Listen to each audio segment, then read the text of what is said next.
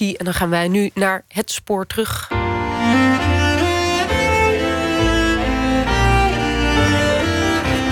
Het spoor terug.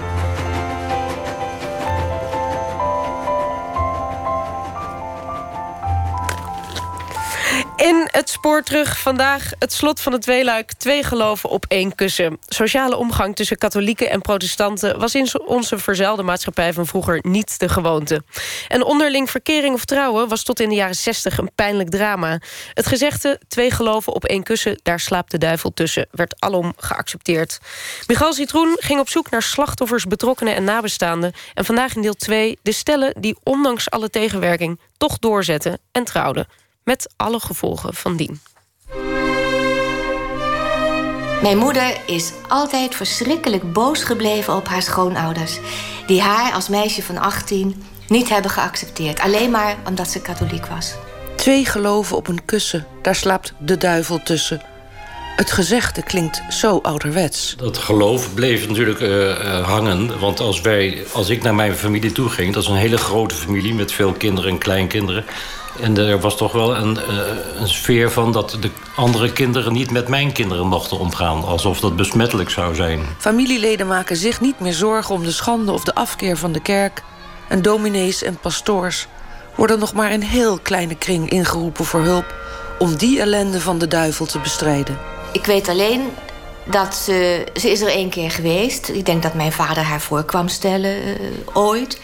Maar ze heeft alleen verteld dat ze na die ene keer... daar nooit meer in huis heeft mogen komen. Zo ver ging het. Maar niet eens zo heel erg lang geleden... stuitten gemengde huwelijken op enorme weerstand. En daar is ze de hele leven woedend over gebleven. Ze werd kwaad als ze erover sprak. Katholiek of protestant? Daar ging het om. Tot ver in de vorige eeuw. Men zag natuurlijk dat het geloof en ook de positie van de kerk in de samenleving... Eh, nou ja, sinds, sinds de 18e eeuw enorm onder druk was komen te staan. Kerkhistoricus en theoloog Peter Nissen begrijpt ook waarom de kerken krampachtig alles uit de kast halen om hun gelovigen bij de les te houden. Ooit was er een tijd waarin de kerk een grote greep had op de samenleving als geheel. Dat is door het ontstaan van de moderne natiestaat is dat verbroken. En wat gaan de kerken dan doen? Dan gaan ze in ieder geval zorgen dat ze nog een sterke greep op hun eigen achterban houden. Tijdens de verzuiling waren dat twee verschillende werelden die niet mengden. Laat staan dat er onderling mocht worden getrouwd. En dan gaan ze zich zozeer bemoeien met het leven van hun gelovigen... de katholieke en de protestantse kerken... dat die bemoeienis groter wordt dan die daarvoor ooit was. Ouders weigerden de partner te ontvangen of toestemming te geven voor een huwelijk. Zonen en dochters werden gestalkt, opgesloten... onder grote emotionele druk gezet... en soms afgestoten omwille van de kerk. Zullen we een foto van... Uh een trouwfoto van papa en mama pakken. De hele tafel bij de zusters Magda en Karen ligt vol familiefoto's. Ouders die waren al, al zes jaar verkering, maar ze mochten dus niet met elkaar omgaan. Wanneer ze de trouwfoto vinden van hun ouders, is die niet direct herkenbaar. Nou zal het jaartal 1942 daar zeker mee te maken hebben dat de bruid niet in het wit is. Geen jurk, maar ook geen blije familie. Mijn, mijn moeder was katholiek en mijn vader was protestant. En dat mocht niet. Maar ja, protestant. Nou, hij was niet praktiserend protestant, maar hij woonde in het verkeerde gedeelte van het dorp, van het stadje Schoonhoven. En daar woonden alle protestanten. Wij hebben altijd als kind eh, te maken gehad met, met, met een familie van bijna niemand. Els ontdekt pas op volwassen leeftijd dat haar vader niet enigs kind is. Wat, wat je hoorde van andere kinderen op school. Gezellige feestjes met opa en oma en zo. Ik heb nooit grootouders gehad. Maar ook nooit een foto gezien van de ouders van mijn vader. Niets. Karel en Ineke zijn op slag verliefd... wanneer ze elkaar halverwege de jaren 60 op een feestje ontmoeten. En nog steeds lijkt het wel na 50 jaar samen. Maar het heeft wat moeite gekost... Die moeder vond mij wel een aardig iemand. Uh, maar toen ze ontdekte dat ik voor haar dochter kwam... toen was de plezier plotseling over. Ik was niet alleen niet katholiek, maar ook langharig. Streng gereformeerd. En ik was katholiek. En mijn broer, ik heb een priesterbroer... en al mijn oudere broers hebben op seminarie gezeten voor korte tijd. Dus de, hè, het katholicisme, dat was heel belangrijk bij ons. En dan streng gereformeerd. En er werd dan ook altijd gevraagd van... en wat doet zijn vader? Dat, dat vroeg mijn moeder dan. En uh, nou ja... Toevallig werkten ons beide vaders bij de PTT. Haar vader werkte bij de post en mijn vader bij de telefoon. Dus daar kon het niet aan liggen precies bij uh, de kerkgenootschappen die bezig waren in die tijd zich te emanciperen. En dat waren de katholieken die uh, zeg maar voor de 19e eeuw in de Nederlandse Republiek weinig kansen hadden om, om zich te ontplooien. die dat in de 19e eeuw wel krijgen en dan een enorme emancipatie inzetten. maar ook de gereformeerden die zich in zekere zin losgemaakt hadden van, van de publieke kerk, van de hervormde kerk die van koning Willem I een reglement had gekregen en eigenlijk een soort officieus staatskerk was. Nooit officieel, maar toch een soort officieuze staatskerk. En ook een ambtenarenkerk. De gereformeerden maakten zich daarvan los. Precies die twee die waren heel erg bezig zich te emanciperen. En, en, en daar vind je dan ook veel meer dan, dan bijvoorbeeld bij de hervormden en bij de kleinere kerkgenootschappen een soort van frontmentaliteit. Een gesloten front. We moeten een gesloten front vormen, want wij moeten Nederland veroveren. Daar was dan zo'n gemengd huwelijk, ja, dat sloeg een bres in dat gesloten front. Dus daar in die kringen, bij gereformeerden en bij Rooms-Katholieken... daar lag het eigenlijk het gevoeligste. Oh, mens, mens, mens. Ik werd ongelooflijk in de gaten gehouden. Elke stap die ik deed werd gecontroleerd, waar ik ook naartoe ging. En uh, op een zeker moment hebben wij besloten om gewoon niet meer naar huis te gaan. We zijn weggelopen van huis. Toen zijn we stiekem s'nachts over de grens uh, gesmokkeld, zeg maar, in, in de Belgische grens. En toen had je nog een, een, boerenpad wat evenwijdig liep aan de grensweg. En op die manier zijn we in Brussel terechtgekomen. En daar had ik al een jaar gewerkt in Brussel. Dus ik heb daar wat mensen leren kennen. En toen mochten we in een studentenhuis uh, wonen. Maar de directeur van de academie in uh, Brussel ontdekte dat er damesondergoed uh, hing te drogen. En die wilde per se binnen 24 uur alle namen van de inwoners. En op die manier kwamen we bij de politie terecht. En die ontdekte dat we ongetrouwd en nog niet uh, volwassen, hoe heet dat? Uh, in hetzelfde bed sliepen? Uh, minderjarig in hetzelfde bed. We moesten bewijzen dat we niet in hetzelfde bed sliepen. In de 17e, 18e eeuw was er natuurlijk ook bemoeienis van de kerken... met hoe de mensen zich ontspanden of, of hoe de mensen hun leven inrichten. Maar dat werd in die periode van die verzuiling... sterker dan het ooit geweest was. de, de, de leiding van de kerk en de leiding van de eigen levensbeschouwelijke zuil... Um, die, die bemoeiden zich tot in de details met, met, ook met, met het seksuele leven van hun gelovigen. Maar ook met hoe ze zich ontspanden, naar welke films ze keken, welke boeken ze lazen, uh, bij welke voetbalclub ze speelden, uh, bij welke verzekeringsmaatschappij ze zich verzekerden, met welke reisbureaus ze op reis gingen en noem maar op. In welk verenigingsverband ze geiten fokten. Dus voor alles was er uh, in katholieke kring en ook in hervormde en gereformeerde kring was er een eigen organisatie. Ze is dus later, toen ze al in de 70 was, is ze weer teruggegaan naar Schoonhoven. En nou is het dus niet meer zo gescheiden. En nou, toen kwamen ze dus op de markt, of weet ik veel, kwamen ze een leuke meneer tegen. Ja, het Zilvermuseum. Het Zilvermuseum. In het Zilvermuseum kwamen ze een meneer tegen. En dan stonden ze gezellig stonden ze te praten. En die man die zegt van... Woont u hier pas? Nee, zegt moeder, ik kom uit Schoonhoven. Hij zegt van, waarom heb ik je dan nooit gezien? Zo'n mooie vrouw. En zegt, uh, ja, ik was katholiek. Oh, ja, zegt hij, ik was protestant. En dat was nee. totaal geen contact. Toen niet, hè? Toen niet. Dertiger jaren, denk ik. Twee werelden, ja. Ze zijn op hun 31ste is ze getrouwd. Toen hoefde je geen toestemming meer te hebben van je ouders. En mijn, de ouders van mijn vader staan dus wel op deze foto, maar de ouders van mijn moeder niet.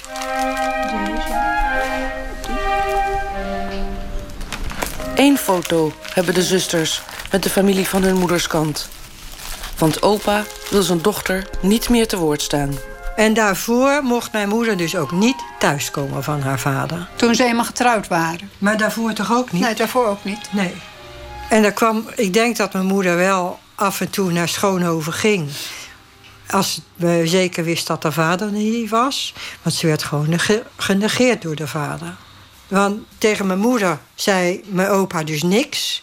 Maar tegen mijn vader, die zat dus lekker voor het raam... zaten ze samen sigaretjes te roken en uh, gezellig te praten. Dat hebben we allemaal, dat hebben we nooit van mijn vader of moeder gehoord. Ik, ik heb het nog een keer gevraagd, toen ook met die foto's. Maar daar, daar sprak ze niet over. Dat is verleden tijd. Ze had ook nog allemaal brieven van 1936 tot 42. 42. En toen ze in het bejaardenhuis zat, zat ze die allemaal in pieterpeuterige kleine stukjes te scheuren. En ik mocht ze dus niet lezen. Ik werd er zo zot van. Ik, uh, dat Weet jij dat nog? Nou, jouw moeder stolkte je. Dus eh, brieven die ik haar stuurde. Dat was heel erg. Die vond ze. Ze had daar een magisch oog voor. Al, al, had ze de brieven onder de vloerbedekking verstopt... dan wisten ze nog te vinden. En, uh, ja, en ik schreef nogal dingen... die nou niet bepaald uh, voor moeders bedoeld waren. Ik was een keer op het toilet in het ouderlijk huis... en ik had een brief gekregen via een vriendinnetje. Ik liet de brieven komen op school... en dat vriendinnetje ontving ze en kreeg ik. Had ik tussen mijn broekriem gestopt. Ik ging naar het toilet... En uh, duurde mijn moeder waarschijnlijk wat te lang. Dus ze komt daar tikken. Ze zegt, meisje, duurt het nog lang? Ik zeg, nou, ik mag toch wel mijn behoefte doen. En ik wist niet hoe gauw ik die brief... want die ging ik lezen op het toilet. Onder het cel. Het cel deed ik omhoog, die brief eronder. Dus zat ze toch met een broodmes dat haakje... probeerde ze open te doen. Vind je dat vreselijke dingen? Dat is toch ontzettend, dat soort dingen? Ik krijg er nog warm van.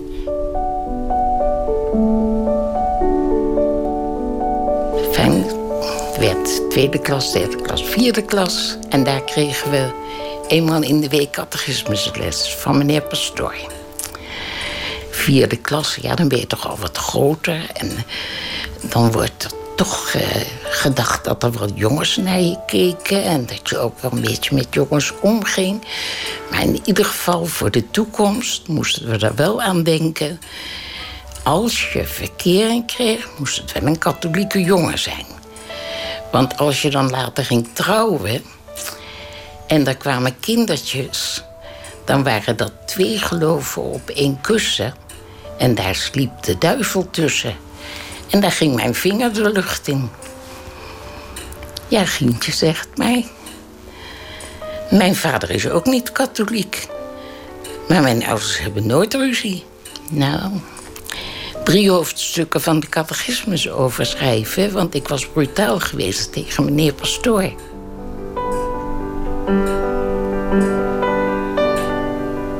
Ik kreeg een niet-katholieke jongen.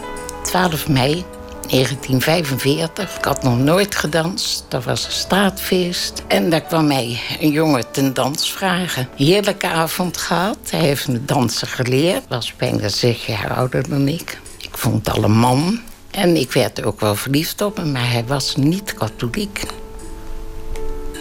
De katholieke moeder van Gien heeft zelf al flink wat narigheid meegemaakt... van het gemengde huwelijk van haar ouders eind 19e eeuw. Mijn moeder kon nou, heeft er ook niets van gezegd. Maar je, je moest toen ook biechten. En mijn moeder vertelde dat wel aan haar biechtvader. En die zei, dan mag u uw plichten niet meer doen. Dat is toch krankzinnig eigenlijk, maar ja. Maar net als haar moeder blijft ze de kerk lang trouw. En ze belooft haar kinderen katholiek op te voeden. Het zijn de kerken die voorschrijven uh, hoe er geleefd moet worden. En ik, ik vind geloven.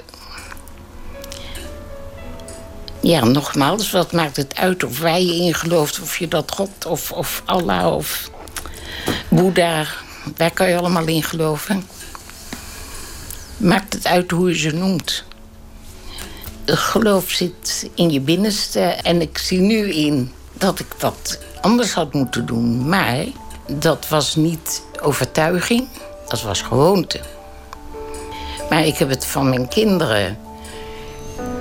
Twee zijn er ook in de kerk getrouwd. En dat vond ik toen ook prettig. Maar ik heb ze niet gedwongen.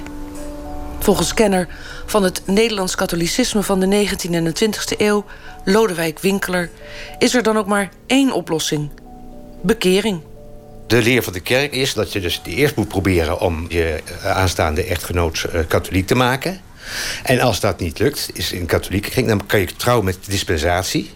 Dat betekent dus dat je niet in de kerk mag trouwen, maar in de sacristie. Dus daar mag niemand bij zijn. En dan moet de, de, partner, en het is meestal de man, die moet beloven dat de kinderen katholiek worden opgevoed. Nou, dat zijn de regels van de kerk. Na de dood van zijn moeder ontdekt René een stapel correspondentie van zijn moeder en haar ouders. Die gaan natuurlijk over dat ze mijn vader ontmoeten in Duitsland. Maar mijn vader zelf schrijft niet. Het, uh, het gaat over mijn vader.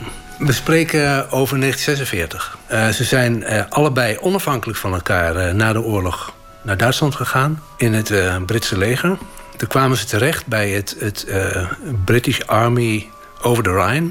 Dat het huwelijk van zijn ouders zo'n heisa gaf, heeft hij nooit geweten. En daar hebben ze elkaar ontmoet. Mijn moeder die schreef heel regelmatig met haar ouders allerlei leuke dingen al tegengekomen. Maar onder andere het feit dat, ze, dat er moeilijkheden waren rondom het huwelijk. Nou, de eerste brief uh, waar, waar het dan naar voren komt... is van mijn grootvader aan mijn moeder. Ja, waarom schrijf je toch zo'n tijd niet? En ik krijg alleen maar van die kleine kattenbelletjes. En uh, waarom laat je niks horen? Ja, 14 dagen, binnen 14 dagen schrijft mijn moeder dan uiteindelijk de brief... waarin ze aangeeft van nou ja, ik zal dan hier maar even uit de doeken doen wat er aan de hand is. Ik heb een man ontmoet. Duitsland, 8 maart 1946.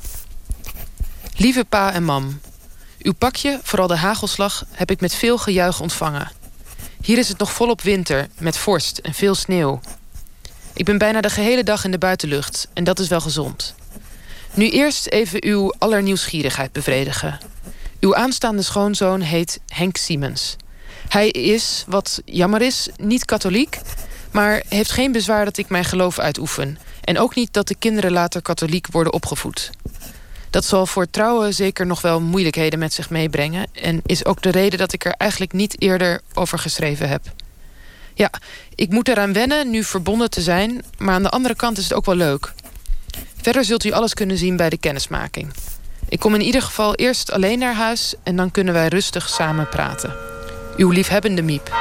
Katholiek en protestant, dat kon niet, dat is duidelijk. Maar uiteraard was een huwelijk tussen een Joods meisje en een katholieke jongen, zoals de ouders van Ines, ook absoluut niet de bedoeling. Nou, het begint uh, met mijn ouders, die uh, in de jaren twintig getrouwd zijn. En mijn moeder kwam uit een Joods gezin, groot Joods gezin met acht kinderen. Mijn vader kwam uit een streng katholiek gezin met veertien kinderen. Maar uh, toen het aan de orde kwam dat er eens getrouwd zou gaan worden... Uh, dat leverde moeilijkheden op. En om een lang verhaal kort te maken... buiten hun uh, eigen geboorteplaatsen... zijn ze naar een andere stad verhuisd. En daar zijn ze getrouwd toen een van beiden de, de leeftijd van 36 had bereikt. Want dat was dan de cruciale leeftijd dat je geen uh, toestemming van je ouders uh, hoefde te vragen om te huwen. En uh, toen zijn ze getrouwd. En toen hebben we hun beide ouders van weerskanten hebben hun kinderen ontkend. Met het gevolg dat mijn zusje en ik zijn opgegroeid zonder onze grootouders gekend te hebben. Onze tantes en ooms, onze neven en nichten. Daar wisten we helemaal niks van.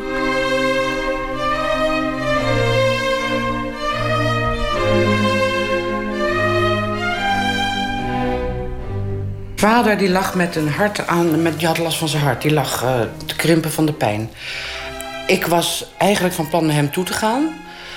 En mijn moeder die zei van, uh, je gaat zeker naar die knul toe. En het is jouw schuld dat je vader daar ligt. Dat is jouw schuld. Dus ik ging de deur uit. Zij achtervolgde mij naar de Wagenstraat. Ik kreeg hartkloppingen van. En eh, ze zegt, ja, die knul die woont hier ergens. Ik weet het wel, ik weet het wel. Je gaat naar die knul toe. Ik dacht wel, nee, dus ik liep door. Dus ik liep met haar langs zijn huis. Door de stad, in Den Haag. Vroom Reesman, de, de, korte, de korte poten. En op een zeker moment uh, wilde ze... Ze zegt, als je nou niet doet wat ik zeg, hè, dan uh, krijg je een klets. Zeg, weet je wat ik ga doen? Ik draai me nu om. Ik loop hard weg. En je ziet me nooit meer terug. En dat heb ik gedaan. En ik heb ook nog heel gemeen erbij gezegd... want jij kan niet zo hard lopen als ik. Ik ben omgedraaid, ik ben weggelopen. Ik ben naar hem toe gegaan, ik ben nooit meer terug. Nou ja, nooit meer terug. Uiteindelijk nou zijn ja. we... Dat komt weer terug, nou ik dat vertel. Weet je dat? Ik word helemaal akelig van bijna. Want toen dus de politie ontdekte dat we daar eh, minderjarig enzovoort... toen moesten we terug naar Den Haag om eh, de papieren in orde te maken. Kinderpolitie moest ik... En Ineke werd toen opgebracht door de kin- kinderpolitie. Die zeiden van, goh, we hebben korte beentjes gekregen. Om Nou, naar je te zoeken. Ik ben tussen twee rechercheurs ben ik thuis afgeleverd. Echt waar. En ik was toch 20 toen? 19, 20? Eh, ja, dus de ouders proberen het hebben het dan vaak eerst al met, bij, via de pastoor of de kapelaan geprobeerd. En die kinderen, die, jongeren, naar de, naar de pastoor gestuurd. En de pastoor dat heeft dan vervolgens uitgelegd dat dit niet dit kan worden. En dat dit voor je zielenheil een ramp is. En als ze dan toch doorzetten, dan is het weer vaak aan de pastoor om te proberen ze te bekeren. Er waren zelfs hele instellingen voor. Of aan de pastoor om te zeggen van ja, nou dan maar dispensatie aanvragen. Nou, en dan de volgende brief. Die komt dan weer uit Amsterdam. Je laatste brief heeft, zoals je zult begrijpen, veel deining gebracht in ons gezin. Hoe heerlijk wij het ook vinden dat je wellicht op de juiste bestemming komt, moeten wij tot ons grote leedwezen een goedkeuring onthouden. Dat jij thuiskomt is natuurlijk voor ons fijn, maar de aanstaande schoonzoon kunnen wij niet ontvangen. Mocht je erin slagen dispensatie te krijgen voor een eventueel huwelijk, dan verandert de zaak en is de zorg als katholieke ouders van ons afgenomen. Dan nog meer daarover en dat ze veronderstellen dat, eh, dat mijn vader daar ehm, wel niet gevoelig zal zijn om katholiek te worden. En dan eh, sluiten ze af. Mocht ik echter iets voor je kunnen doen om dispensatie te verkrijgen, dan kan je steeds op mij rekenen. Lieve Miep, hou je goed en tot spoedig. Je liefhebbende vader. Ehm, eh, want je ziet eigenlijk nergens in, in de brieven van, eh, dat ze er ruzie over krijgen. Het is meer van, ja, zo zijn de regels nou eenmaal. En meneer Pastoor zegt dat wij dat niet mogen. En daar hebben we maar mee te maken. Ehm, ja, hoe gaan we dat oplossen? Nou, dan moeten we een dispensatie regelen. En als we dat eenmaal geregeld hebben, ja, dan, ehm, dan kan alles weer. Dus ze krijgen er eigenlijk niet een, eh, eh, niet een persoonlijk conflict over... maar ze, ze worden wel... Ze komen door de spelregels komen, in een, komen ze in een benarde situatie. Duitsland, 13 april 1946. Lieve mam en pa, ik moet een paar dagen rusten en had veel hoofdpijn.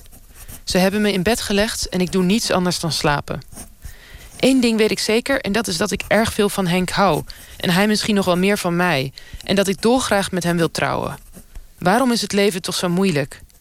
Nu ik de laatste keer uit Amsterdam wegging, heb ik weer gemerkt dat ik van u allen toch ook erg hou. De vrienden van Henk zijn reuze aardig voor me geweest, want in de trein heb ik veel zitten huilen. Nu ga ik eindigen, want in bed schrijven is nu niet direct gemakkelijk. Heel veel groeten voor allen en u beiden een stevige kus. Van uw liefhebbende Miep. Mijn moeder die kreeg heel dikwijls bezoek van de, de Roomse geestelijkheid. En die probeerde mijn moeder eh, duidelijk te maken dat zij haar kinderen katholiek moest opvoeden. En eh, op een goede keer kreeg vader daar zo genoeg van. Ja, zo vertelt hij, heeft hij ons dat verhaal verteld, maar dat herinner ik me niet meer. Eh, hij zegt dat hij letterlijk een van die priesters gewoon in de kraag gevat heeft en gezegd: Nu is het afgelopen, nu is het genoeg. En buiten de deur gezet.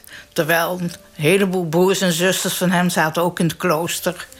En, eh, maar vader had daar natuurlijk allemaal geen respect eh, meer voor. Maar de, de liefde is dan altijd eh, ondergeschikt aan wat mensen bedenken aan godsdiensten of zo. Het is eigenlijk een beetje minderwaardig. En ik denk dat vader dat zo gevoeld heeft.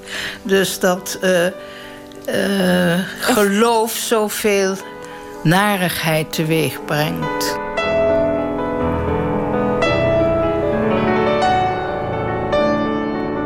Dan gaat mijn grootvader weer schrijven en dan is die... ehm, nou, die is, is nu gewoon aan het, eh, met de pastoor aan het eh, onderhandelen. Even kijken, dan schrijft hij... Je kunt namelijk dispensatie krijgen, maar dan zou jij en Henk hier bij de pastoor moeten verschijnen om de stukken daarmee in verband te tekenen. En ook kan je volgens de pastoor dispensatie vragen aan de geestelijke ter plaatse, dus in Duitsland, waar je nu woont. Dit voorkomt dat je hier naartoe behoeft te komen. In ieder geval, lieve Miep, vertrouw ik dat je alvorens te trouwen een dispensatie uh, weet te verkrijgen. En ik heb nu de overtuiging dat dit mogelijk is. Je moet je vader en moeder niet teleurstellen. Dit hebben ze niet aan je verdiend. Ja, die vind ik wel hard hoor. Dat is, nou ja, ja alsof zij dan uh, uh, schuldig... Uh, zij wordt hier eigenlijk schuldig gemaakt. Ik denk dat ook... Dit is gewoon eigenlijk de meest onaangename zin die ik... Kijk, verbazing en deining en goh, hoe moet dat nou? Dat, dat snap ik allemaal. En, maar dit is van, ja, dit hebben ze niet aan je verdiend. Ja, nou ja, goed. tegenwoordig zou je dat natuurlijk sowieso niet meer kunnen doen, maar ja. Duitsland, 22 juli 1946. Lieve mam en pa, van die dispensatiekwestie snap ik nu helemaal niks meer. Eerst heeft de pastoor u zelf de tip gegeven en nu kan hij niks meer voor ons doen. Ik hoop maar dat het nu in orde kan komen met de bisschop van Hannover. Hartelijk dank voor mijn doopbewijs. Dat is tenminste een stap in de goede richting. Of alles nog voor ons verlof in orde kan komen, betwijfel ik ten zeerste. We zullen er in ieder geval ons best voor doen, want die ontvangstkwestie bevalt ons beiden helemaal niet. Ik kan Henk tijdens zijn verloftijd toch niet zomaar aan zijn lot overlaten, terwijl wij ons er zo op verheugd hebben, eindelijk ontspanningstijd. Nu zou u uw schoonzoon dan nog niet leren kennen. Is daar nou niks op te vinden, al is alles nog niet in orde? Het zou voor ons veel bederven en er is nu toch niks meer aan te veranderen. Henk is een schat voor mij. Ik ga nu eindigen. Uw liefhebbende Miep.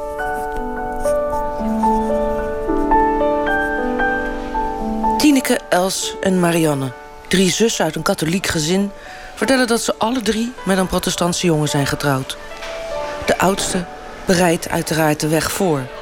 En als ze verkering krijgt, weet ze al wat voor problemen dat gaat opleveren.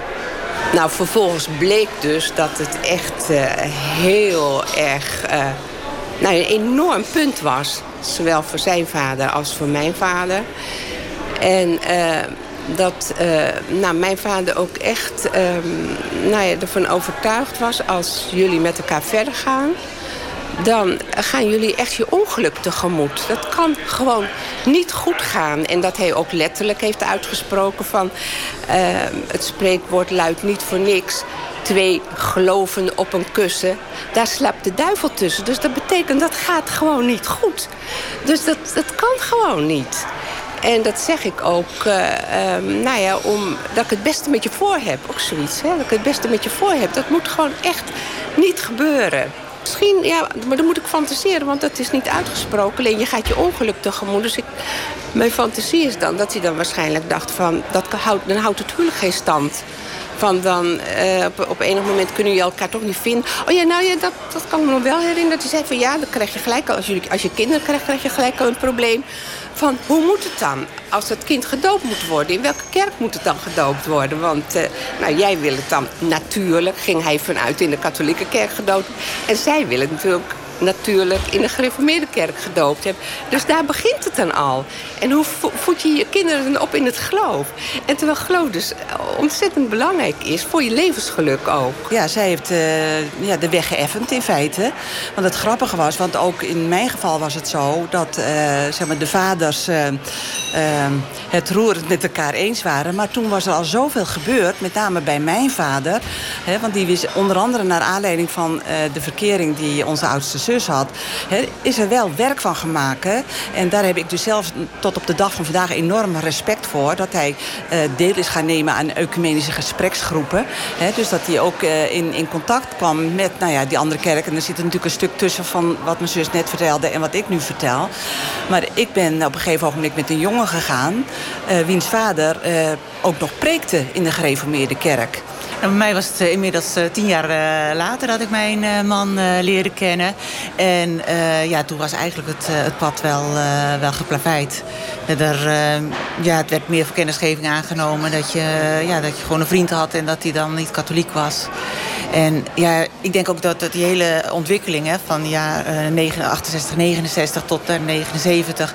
Uh, bij mijn ouders zoveel veranderd is. Ik, zelf ging ook uh, niet meer mee de progiekerk naar de kerk. Ik ging naar de, de jongerenvieringen bij ons op school. En ja, jullie gingen naar de, ecumenische vieringen, studenten, ecclesia en dergelijke. En mijn ouders die, ja, die zagen dus dat je dus op die manier ook je geloof kon beleven. En uh, ja, hadden er dus ook wel vertrouwen in dat ja, nu ik met een protestantse jongen thuis kwam... dat dat eigenlijk geen probleem meer hoeft op te leveren.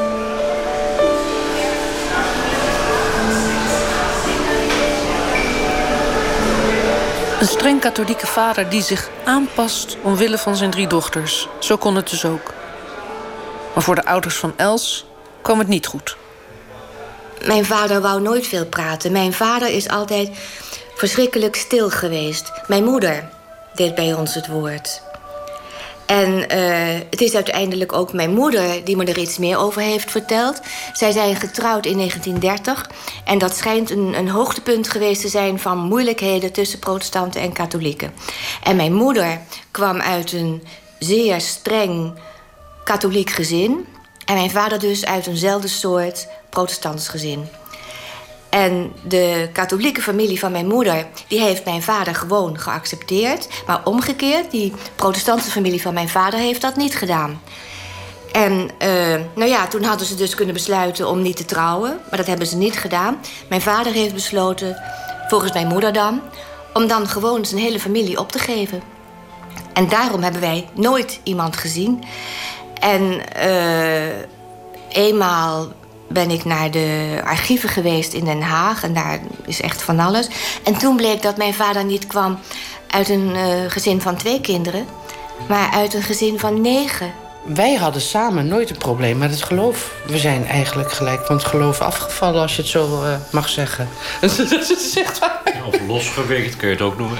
Bij ons thuis is dus het woord godsdienst nooit gevallen. Ik, ik wist dat ook allemaal niet. Ik ben op een openbare lagere school geweest en op een openbare middelbare school. En bij ons, godsdienst, dat kwam niet aan de orde. Uh, het heeft dus waarschijnlijk een hele grote rol gespeeld in het leven van mijn ouders. Maar ze hebben dat voor de kinderen helemaal weggehouden. Wat hebben wij te weinig gedaan? Een dialoog met onze ouders. Ja, dat is waar. Dat is waar. Maar waar, waar konden wij op terugvallen? Nee, maar het was, Zo echt, jong. het was de periode van de revolt, uh, lang haar. En wij waren de eerste generatie die zich losmaakte van die donkere tijd. Van, van knielen en gehoorzamen en gezagsgetrouw zijn.